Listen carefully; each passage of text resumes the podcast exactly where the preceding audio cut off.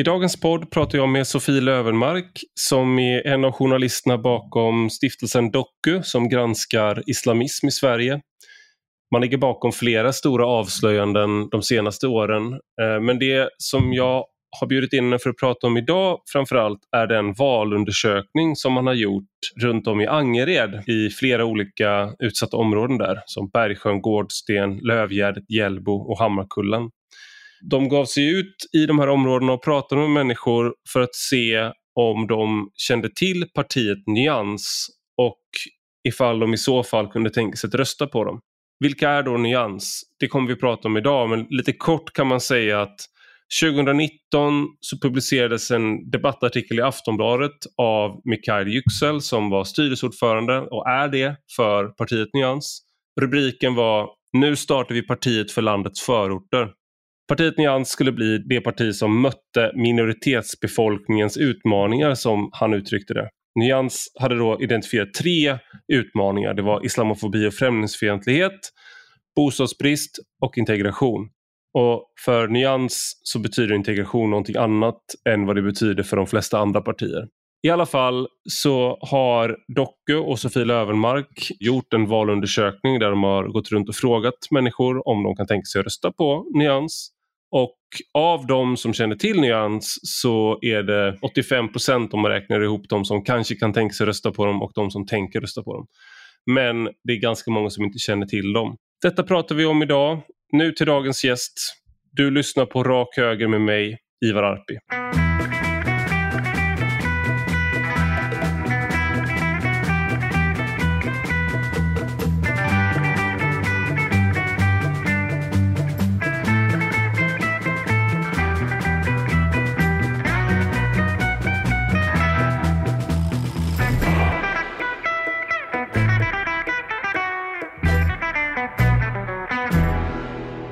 Välkommen till Rak Höger, Sofie Lövenmark. Tack så mycket. Jag tänkte att vi skulle prata om eh, er senaste granskning på Doku. Det här när ni var ute i Angered i de olika eh, områdena där eh, i Göteborg och, och, intervjuade människor om partiet Nyans. Eh, ja. Och Eh, Eh, för den som inte vet så är Angered ett ganska stort område och i Angered så finns det mindre områden eh, som Hammarkullen, eh, Gårdsten och eh, flera andra. Och de är alla, eh, i princip alla områden i Angered är eh, utsatta eller det finns ett par som är lite blandade också. Men jag tänkte, ni, ni gjorde någonting där som är ett problem när man ska undersöka den här typen av områden är ju att alltid när man skickar ut opinionsmätningar och liknande så är bortfallet mycket större i bland människor med utländsk bakgrund, eh, utrikes födda eh, och i de här områdena och det är språkförbistring. Så hur gjorde ni den här undersökningen? Ja men precis. Eh, vi är ju som många andra tror jag, är väldigt intresserade av hur sympatierna ser ut då för partiet Nyans. Och det är ju väldigt svårt och det går ju knappt att fånga upp liksom i de här vanliga eh, opinionsundersökningarna som de vanliga opinion, opinionsinstituten gör. Så vi bestämde oss då helt enkelt för att eh, åka ut och intervjua människor på gatan. Och eh, vi, eh, vi var ute fem dagar i rad eh, på många platser var vi nu? Vi var i Angered centrum, i Bergsjön, i Gårdsten, i Lövgärdet, i Hjällbo och i Hammarkullen. Vi var även ute vid olika tider för att liksom försöka fånga upp alla grupper sådär, om man ska säga. Och eh, vi, vi gick helt enkelt fram till, eh, vi försökte fråga alla personer som eh, eh, som passerade oss. Eh, undantaget då personer som var tydligt upptagna, som pratade mm. telefon eller som hade stökiga barn eller någonting sånt där. Och då ställde vi två frågor. Eh, den första frågan var om de känner till partiet Nyans. Mm. Eh, efter att vi hade frågat det så visade vi också en, eh, en bild från eh, partiets hemsida mm. med partiloggan och jag tror det är styrelsen som är med på den bilden. Och för personerna då som kände till partiet Nyans eh, så frågade vi också då om de kunde tänka sig att rösta på partiet. Mm. Och resultatet där var, man, det är verkligen som ett Rorschach-test lite grann, tycker jag. Att man kan tolka det på olika sätt. För det, de flesta kände inte till partiet. Ja. Men av de som kände till partiet, hur såg det ut där? Det Ja, var men ungefär precis. 30 procent som kände till partiet och ungefär 70 procent som, som inte kände till partiet. Ja, men precis. Och det intressanta var ju då att eh, ja, det, precis 70 procent eh, kände inte till partiet. Eh, men bland de som kände till partiet så kunde ju en väldigt hög andel, eh, det var nästan 86 procent tror jag, som svarade att de kunde tänka sig att rösta på det. Mm. Och eh, 51 att de i princip skulle rösta på partiet. Så, Mm. så, det, så bland gruppen som kände till dem då så var stödet väldigt starkt. Mm. Sen, Så Vad förlåt? 85, 85 procent av 30 procent. Jag tror ni har någon uträkning här på hur många, ja, men hur många det precis. blir. Men, eh, men, ja. men sen de som inte kände till partiet, hur tänkte de då? Ja, alltså de, de ställde vi ju inte fler frågor till, de som Nej. inte kände till partiet, ska jag säga. Eh, så, så det vet jag inte riktigt. Sen, eh, sen ska jag säga också att vi var ute då fem dagar i rad och vi fick, och på de här olika platserna då, men vi fick i princip identiska svar varje dag. Och det tyckte jag, det kändes liksom väldigt bra och liksom tryggare på något sätt att publicera den här när, när det var så lika utfall från dag till dag. Hade det svängt och hoppat jättemycket så hade jag liksom känt mig mer osäker på, på resultatet som sådant så att säga. Eh, Men det var i princip identiskt varje dag. För då hade man kunnat tänka sig att ni hade, kunnat, att ni hade träffat på en, eh, en så här guldådra för partiet Nyans där alla är jättepositiva och sen träffat in någon slags medieskugga av dem eh, vid en tidpunkt. Sådär. Men nu om, om, det, om svaren är likartade så kan man, även om det inte är en vetenskapligt, alltså det, det krävs mer för att liksom få kanske ännu fler eh, intervjuer och sådär för att få en bättre bild. Men man kan, ändå, man kan ändå tänka sig då att om svaren är så likartade att ni, att ni har, och ni har varit i så många olika områden.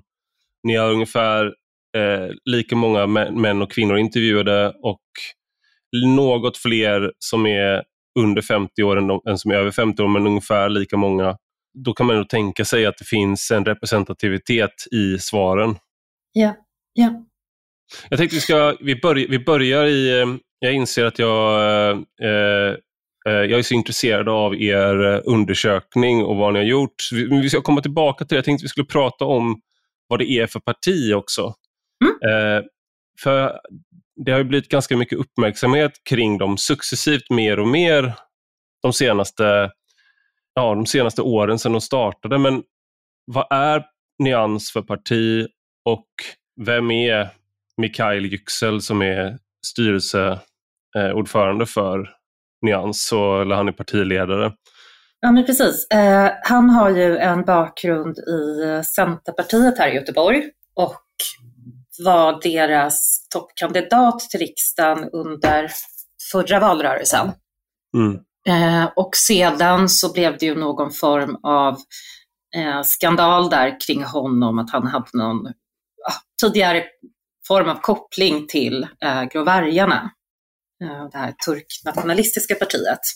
Just det. Sen, sen går väl meningarna lite isär om vad som egentligen hände där. Själv säger han ju att han har varit helt öppen med det eh, till Centerpartiet eh, och menade att eh, han kuppades ut på något sätt eller att liksom det användes emot honom felaktigt för att ha- han hävdar att han, att han hade varit eh, riktig med det. Så. Mm. Han blev i alla fall utesluten eh, och ganska så snart efter det, om jag inte minns fel, så startade han då istället det här nya partiet Nyans.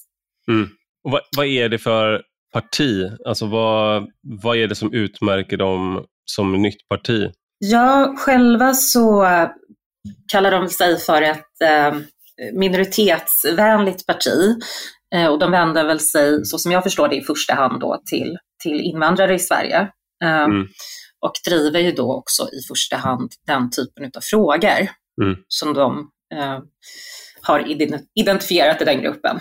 Eh, och det är väl, deras huvudfrågor är att eh, islamofobi ska bli eh, ett egen brottskategori. Eh, Mm. De vill lyfta Palestinafrågan högt på dagordningen och det är väl det de lyfter överst i sitt eh, partiprogram tror jag. Och sen har de den här, jag, jag, jag läste deras parti, partiprogram, man kan gå in på partietnyans.se och läsa om eh, under fliken eh, Vår politik så finns våra viktigaste frågor. Så jag läste den för ett tag sedan, men nu läste jag in för att vi skulle spela in eh, dagens avsnitt. Och Det finns några intressanta saker, men bland annat så tar de ju upp det här då att eh, man ska göra muslimer till en nationell minoritet. Eh, så att det, man ska stärka muslimers rättigheter i Sverige. Sen tar de upp det här mm. och sen tar de upp det här med LVU också, där man tar, yeah. som är den här kampanjen som drevs um, Ja, kan du, för, för de, an, de, an, de, de, har ju använt den här kampanjen mot svensk socialtjänst bland annat. Det har varit en politisk fråga. De har skrivit i den frågan och gjort debattartiklar. Och du skrev också om den frågan. Kan du liksom, vad var det för, vad var det ja, men, för kampanj? Ja men precis, det var ju jag och Doku som var först då att skriva om den här kampanjen mot socialtjänsten. Eh, Alltså i grunden så har det ju legat och pyrt ett missnöje mot socialtjänsten i utsatta områden eh, och i en del, vad ska vi kalla det, aktivistkretsar under väldigt lång tid. Så. Mm. Eh, så på det sättet var det väl inte nytt, men jag märkte under förra året att det var liksom någonting mer på gång. Eh, eh det började, ja men det var ofta demonstrationer utanför socialkontor här i Göteborg, även Eh, över andra delar av landet och så började det växa sig också som en rörelse på sociala medier i olika arabiska, eh, arabiska grupper på sociala medier. Mm. Där det då var oerhört hårda tongångar mot uh, socialtjänsten men också liksom mot Sverige i allmänhet. Sådär.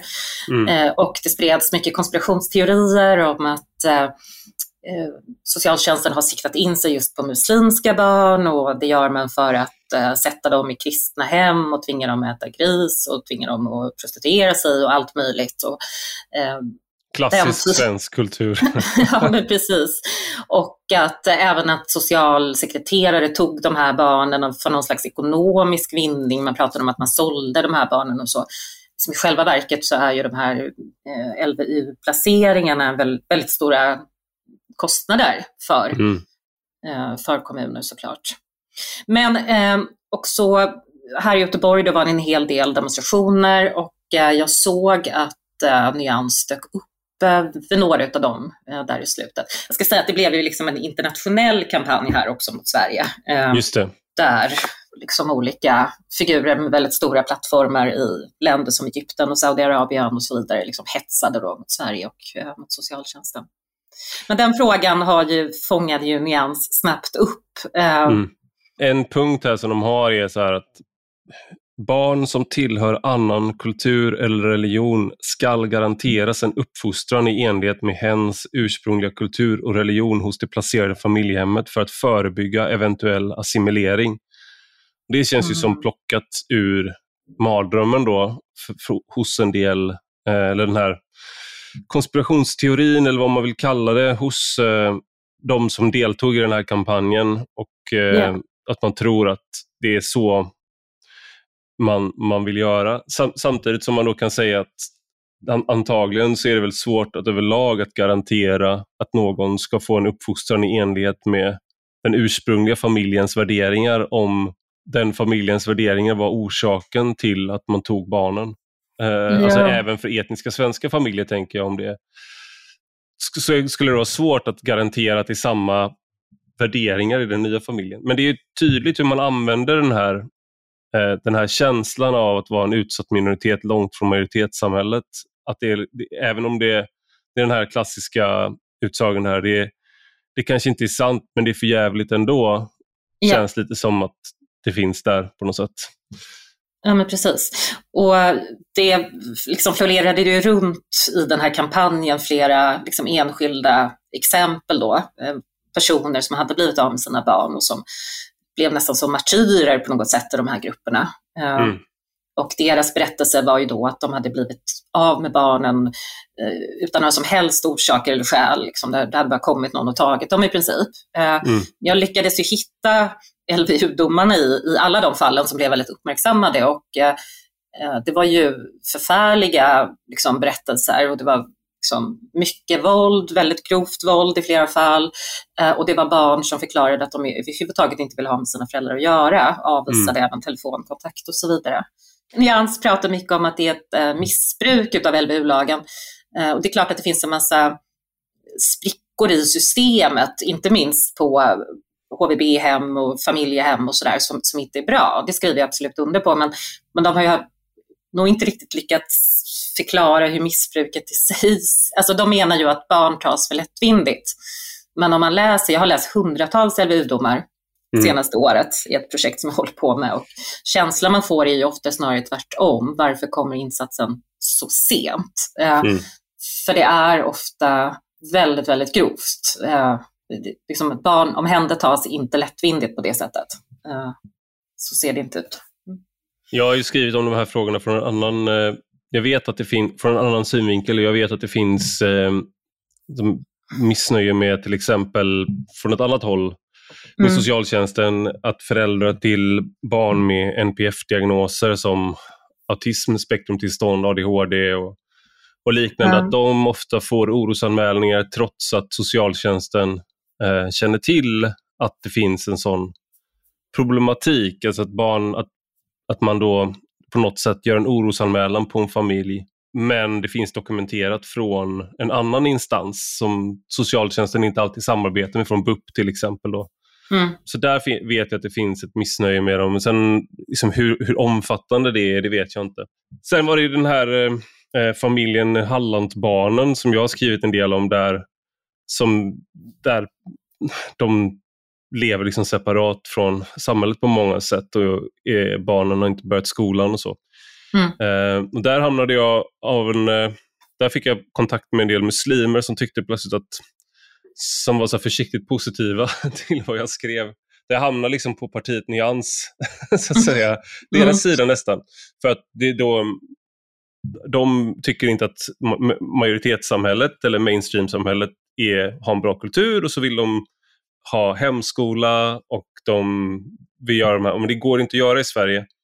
Men i det fallet så har det i alla fall inte funnits vanvård på den nivån som det verkar finnas i majoriteten av fallen där man faktiskt tar vårdnaden. Alltså det, det är inte den som, det var ett annat fall som var i media där det var en muslimsk familj som kom till Sverige och mannen i familjen, jag tror att han förekommer, han är en av de som demonstrerar utanför riksdagen. Mm, eh, mm, precis. Och eh, han eh, misshandlade sina barn, sina fyra barn. Yeah. och, så det där är den vanliga bilden. men det var därför den här, det var intressant med den här Hallandsfamiljen för att där verkar det inte finnas, där verkar vanvården bestå av någonting av undanhållande av barnen mm. från myndigheter. Så det blir en intressant liksom, diskussion om vad det innebär. Men vad skulle jag säga? Jo, eh, de har ju också det här att de vill att man ska tillämpa positiv särbehandling för minoriteter på samma sätt, så det här återkommer någonting på samma sätt som man gör med kön. Eh, och det är väl en klassisk, liksom, det är definitionen av identitetspolitik kan man väl säga. Att man vill att liksom, afrosvenskar, muslimer, andra minoriteter ska få förtur på olika sätt för att få bättre representation. Men när du pratar med folk då i, eh, på liksom hur de som känner till partiet, hur pratar de om partiet när ni träffade människor ute på, på gator och torg? Hur, liksom, hur reagerade de positiva på, på partiet? Vad, vad sa de? Eh, ja, nej men majoriteten då som kände till partiet var ju positiva till det eh, och mm. vi träffade personer som berättade att de var medlemmar i partiet eller personer som var Eh, hade engagerat sig, varit på möten och det var några som hade varit på eh, deras demonstrationer. Eh, så, så en del av den gruppen var också liksom aktiva på ett eller annat sätt mm. runt partiet. Så. Men annars så, ja, de var liksom positiva överlag sådär. Det var bara något fåtal som liksom uttryckligen sa att de inte kunde tänka sig att rösta på partiet. Mm. Eh, men då var det ofta med någon mot, jag fick en motivering exempelvis att nej, eh, det kommer jag inte göra för att jag är vänster. Eh, eh men de var ju ganska få då. Okej. Okay. Och vad, så man mm. uppfattar parti, de uppfattade partiet som för höger för att röstas på? Ja, några gjorde det i alla fall. Ja.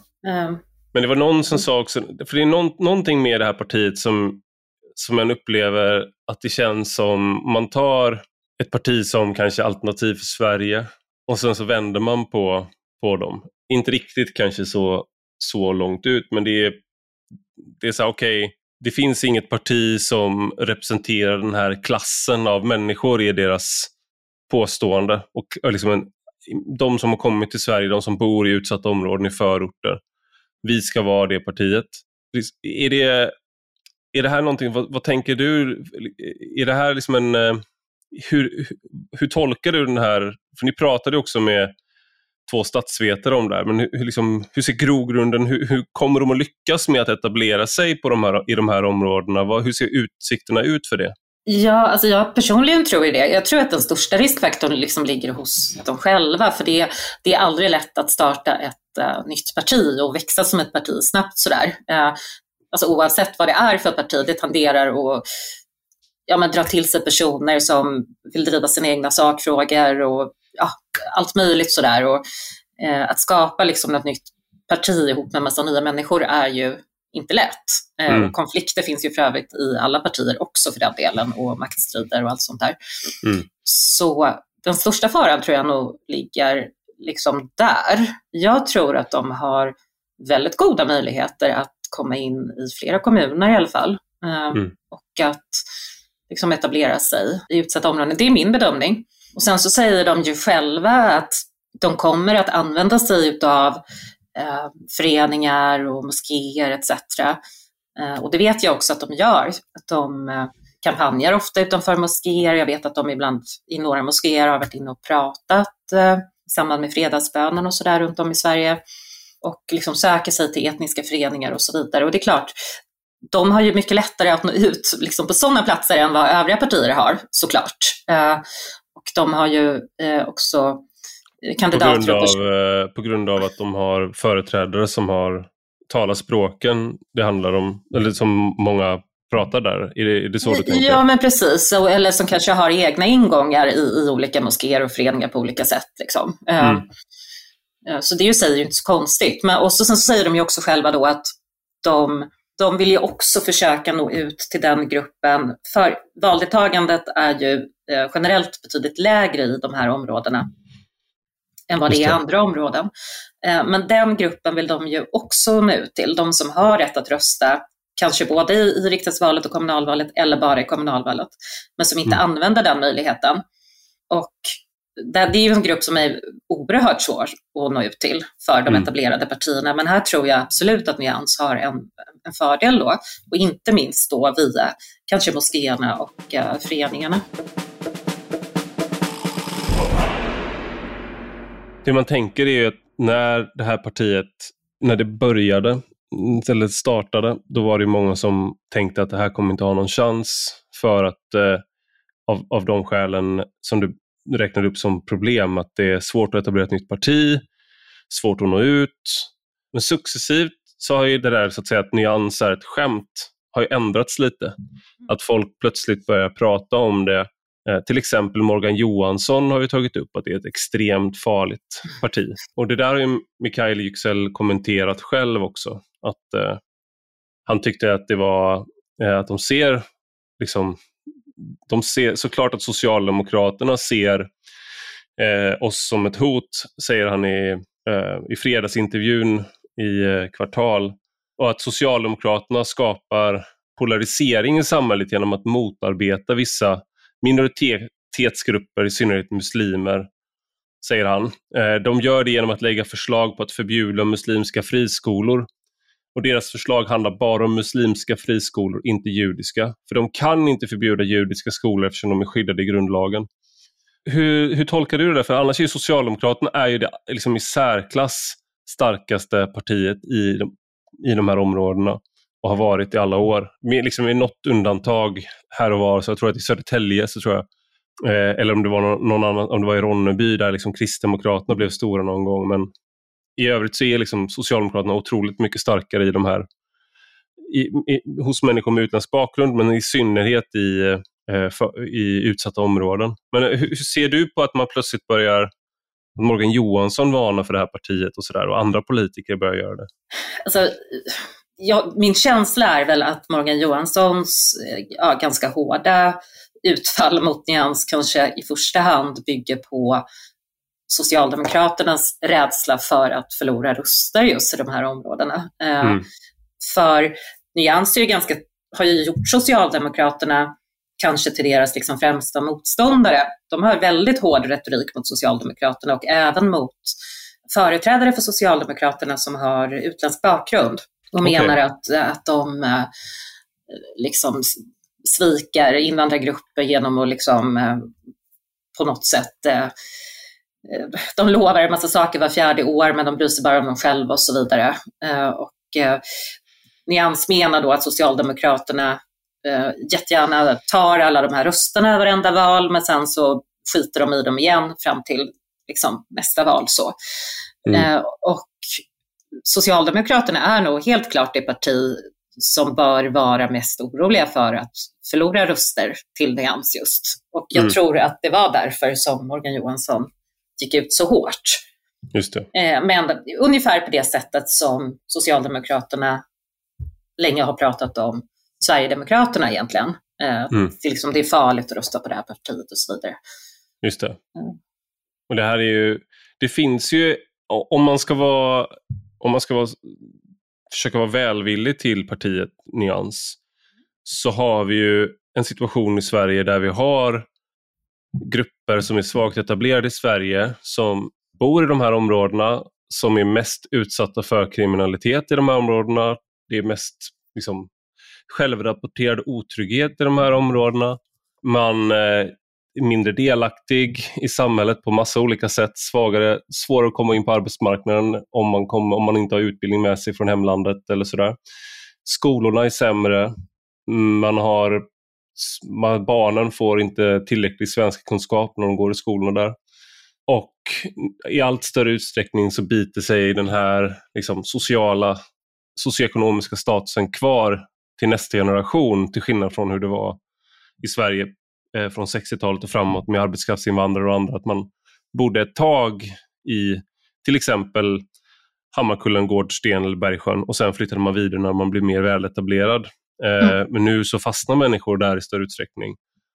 Och då har vi, som jag har skrivit, skrivit och pratat om, att vi har en, en grupp människor, med en, ofta med en annan hudfärg, som utför så att säga, alla de här sysslorna som är längst ner i den ekonomiska pyramiden som kör ut Foodora, bakar pizzor, eh, städar, den typen av jobb som är svåra att få ett liv att hänga ihop om de har jobb och sen många som inte har jobb.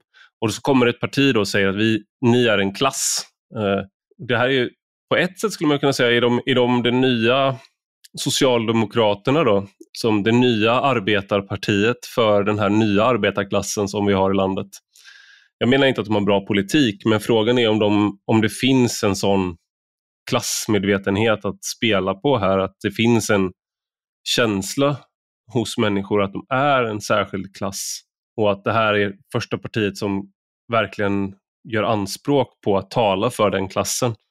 Ja, så kan det nog mycket väl vara. Absolut.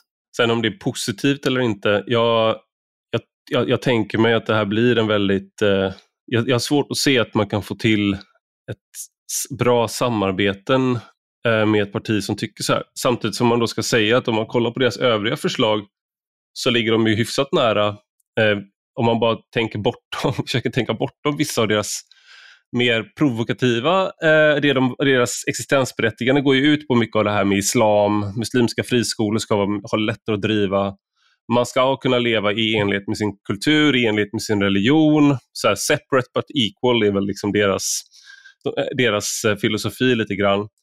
Men de vill eh, förstatliga skolan, eh, de vill eh, eh ta i hård, med hårdhandskarna mot brottslighet till stor del. Eh, så det, det, finns ju så på, i sakfrågor, om man ska vara sån, som, som man alltid sagt, många har sagt att man ska ju kunna samarbeta med Sverigedemokraterna i sakfrågor Så om de kommer in i riksdagen så kommer de absolut ha eh, överlappande intressen med flera av de partierna som finns där, även om de är extrema i andra frågor. Jag tänker en, en sak som är, som är liksom, som ni arbetar med på Doku som är svårt för oss som inte är lika inne i det här är hur ärliga de är med vad de säger utåt. För nu, jag bedömer ju det här då ett face value på deras hemsida. De säger intervjuer och liknande när jag pratar nu. Men han, Mikael Yüksel, han har haft kopplingar till Grå vargarna. Om man kollar på företrädarna, hur de pratar på Twitter och liknande, alltså, så, så har de ofta en ganska extrem ton och konspiratorisk ton. Så hur, hur mycket är hur, liksom, hur mycket är en polerad fasad av det som ändå då, som många ändå har eh, kritik mot, men hur mycket av det är en polerad fasad och hur mycket av det är att de egentligen vill gå mycket längre i, vad de, i, i sin politik?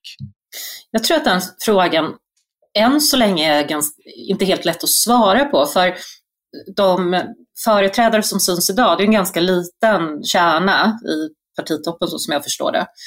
Eh, men det är ännu inte helt klart vilka, de har presenterat förvisso en hel del kandidater i olika kommuner, men, eh, men inte helt och hållet ännu. Så jag tror att det återstår att se lite vilka som eh, kommer att företräda partiet, om de nu kommer in eh, på olika ställen, mm. vad de kommer att utvecklas till. Så. Men som du sa, de eh, företrädarna som, eh, som finns på sociala medier och så där, de har en väldigt konf konfrontativ eh, ton. Eh, mm i diskussioner och så. Men det är det här... väl säkert någon form av taktik också, kan jag tänka mig. Ehm. Ja, det är väl ingen som blir bra på sociala medier genom att framstå som att man uh, tycker ungefär som alla andra gör mest. Om man ska Nej. etableras, hitta Nej. en egen nisch. Nej, men precis. Om jag skulle varit deras PR-agent så skulle jag också rått dem till att hitta konfliktytor. Uh, men uh, det, det, de, jag tror inte att de skulle anlita mig för det. Jag skulle, sådär. Men Vi har anlitat Ivar Arpi för att hjälpa oss i vår kampanj. Jag tror att det skulle kunna gå emot deras intressen kanske i, i vad de når för människor. Ja. Men en sak jag tänker på är det här samtalet i sig och er granskning i sig. Och sen har vi då, de har eh, i maj intervjuades eh, Mikael Yüksel av Henrik Sjögren i Fokus och sen i kvartals fredagsintervju då som vi tog upp av eh, eh Jörgen Wittfeldt han har varit med i tv, varit med liksom, han har blivit intervjuad på många olika ställen. Och eh, eh, hur mycket bidrar man själv till att öka synligheten på något sätt? Alltså hur mycket blir man en indirekt marknadsföring av partiet genom att, genom att man överhuvudtaget håller på att uppmärksamma? Och det här är väl egentligen samma fråga som ställdes runt 2006 och 2010 där eller innan 2010 med Sverigedemokraterna, men jag vill ändå höra hur du tänker kring det. Uh, ja, men vi, för, för vår egen del, jag förstod ju att uh, en del skulle se den här undersökningen kanske på det sättet, uh, som att göra onödig liksom, reklam för dem eller så vidare. Mm. Vi fick några sådana kommentarer på sociala medier såg jag. Men för egen del så tycker jag liksom, man kan liksom inte låtsas att något inte finns eh, och tro att allt ska bli bra för det. Liksom, jag tycker det här är ju superintressant. Eh, mm. eh, det är val om fyra månader. Eh, vi har ett nytt parti här som kanske har ganska goda chanser att ta sig in på olika ställen, men med en väljarbas som är väldigt svår att, att liksom fånga upp i, i vanliga opinionsundersökningar och så. Det är väl mm. svårt kanske överhuvudtaget med, med nya partier på det sättet. Men Nej, jag, kan, jag, jag tycker att man självklart måste eh, granska, intervjua, skriva och att man inte kan ta hänsyn till det. Sen så tror jag heller inte att just vad det gäller partiet Nyans, att det spelar sådär vansinnigt stor roll om DN eller Svenskan eller Expressen eller vilken tidning som helst eller Sveriges Radio. Eller den här podden. Ja, eller den här podden. Eh, för liksom stora delar av deras eh, potentiella väljarbaser tror jag inte alls konsumerar den typen av media i den utsträckningen. Så jag tror kanske inte heller att det har någon, liksom, spelar någon praktisk eh, jättestor roll faktiskt. Eh, men det är bara vad jag tror. Så jag menar, vi märkte eh, när vi var ute då, det här med språkfrågan, det var ju en intressant... Eh, eh, Eh, eh, det är väl klart att det inte är någon nyhet att väldigt många har svårt med språket. Eh, och mm. Peter Esaiasson, professor i statsvetenskap, gjorde ju en studie för några år sedan, bland annat en bok mm. som heter Förorten. Och där uppskattade han att ungefär 20-25 procent har stora problem med språket. Och vi mötte ju, jag tror vi hade 26 procent ungefär, som vi inte kunde kommunicera med alls. Mm. Eh, som då blev liksom naturligt bortfall. Men även i den gruppen som vi, alla liksom personerna som vi kunde genomföra intervjuerna med, så tog det ju i många fall väldigt lång tid. Och därför var det också ett väldigt bra sätt att göra det så, liksom möta personerna direkt. För att man fick ta sig tid och, och, och sen liksom kunna göra en bedömning av att personen verkligen har förstått och mm. ändra ord när man märkte att något inte liksom funkade och sådär. Just det. Uh. Men det kan man, också, man kan ju känna av, jag har jobbat mycket med, eller innan jag blev eh, en fram, framgångsrik bloggare, eller vad man ska kalla att jag är nu. Eh, nej, men innan, jag, innan jag började skriva professionellt så jobbade jag med mycket sådana jobb där man arbetade med människor som var nyanlända.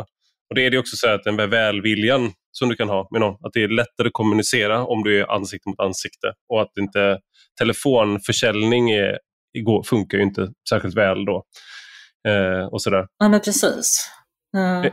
Och här, här menar jag ju då återigen att Nyans har en väldigt stor fördel för att de är ute mycket, de har varit under lång tid. De startade valrörelsen i princip när partiet startade för några år sedan. Mm. Eh, och de är jättemycket ute i, nu bor ju jag i Göteborg, eh, mm. men ute i förorterna här. Men jag tror att det ser likadant ut på många andra ställen runt i landet. Eh, och de har betydligt större liksom, möjligheter, inte minst med språken, att, att nå ut och profilera sig.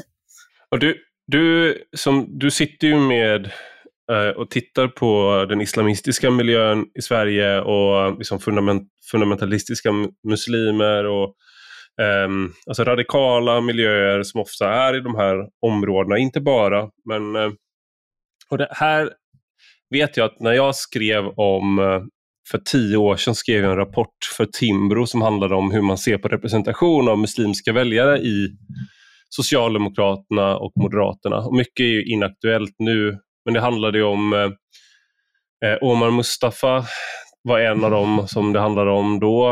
Eh, Abdirizak Waberi som nyligen har dömts till fyra och ett halvt års fängelse för ekonomiska eh, sina ekonomiska för, förehavanden eh, med Römosseskolan.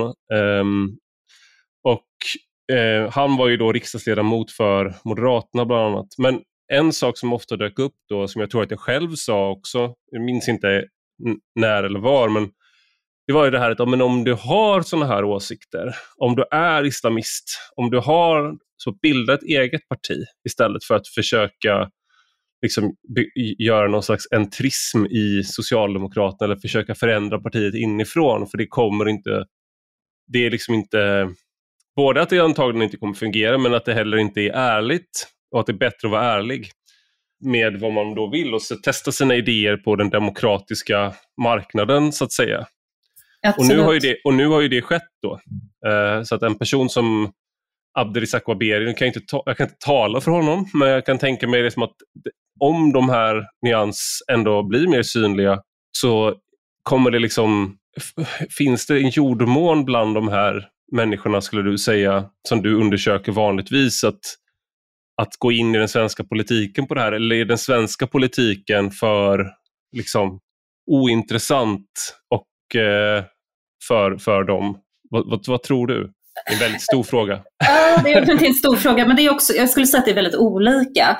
Mm. Det finns ju, liksom, i de radikala islamistiska miljöerna så finns det väldigt olika syn hur man ska se på, på politik exempelvis. Det finns ju de som tycker att det är otroligt viktigt att man att överhuvudtaget inte röstar eh, för att man ska bara liksom, underkasta sig religionen. Eh, att det till och med då är förbjudet att rösta och så vidare. Eh, Medan andra tycker att det är väldigt viktigt att använda den, den liksom plattformen för att få de förändringar man, man då vill ha. Mm. Och det, det är ju intressant här också vad det gäller nyans och se hur, hur liksom personer då som, ja, dock ju tittar på eh, dagligdags förhåller sig till nyans. Så jag kan ju säga exempelvis eh, den här jävla imamen Aborad eh, mm. som eh, fick utvisningsbeslut eh, efter att Säpo hade ansökt om det som ett hot mot eh, rikets säkerhet, eh, som ganska nyligen nu självmant lämnade Sverige. Mm. Han befinner sig i Turkiet idag tror jag. Han har bott i Sverige i över 20 år eh, mm. Eh, varit aktiv då i Gävlemoskén. Han eh, propagerade ganska hårt för nyans i olika grupper som jag är med i på sociala medier. Okay. Eh, uppmanade alla muslimer att rösta på nyans. Eh, och det finns eh, eh liknande sådana personer som gör det, som, som liksom ingår i de islamistiska miljöerna. och sen har jag även sett ja, men en del imamer i några stora moskéer och så som också har gått ut att, och eh, förklarat sitt stöd för nyans. Mm. Jag, jag tänker Mik Mikael Yüksel, alltså han eh, min fördom mot eh, hur, så att säga, någon som ska göra anspråk på att tala för muslimer i alla fall, kommer lite på skam med både hans bakgrund och hur han ser ut. Alltså, han är skägglös och han eh, har turkisk bakgrund, eh, vilket är, i alla fall i Sverige inte är den vanligaste bakgrunden när det gäller de här eh, liksom, ha, ha, hårdföra islamisterna. Och sen just kopplingen till Grå vargarna som inte är ett det är ett nationalistiskt eh, eh, parti i, i Turkiet. Liksom, han har inte de här, på ytan i alla fall när man kollar så känns han ju som en alltså, som någon som skulle kunna gå in i Centerpartiet som han gjorde då från början.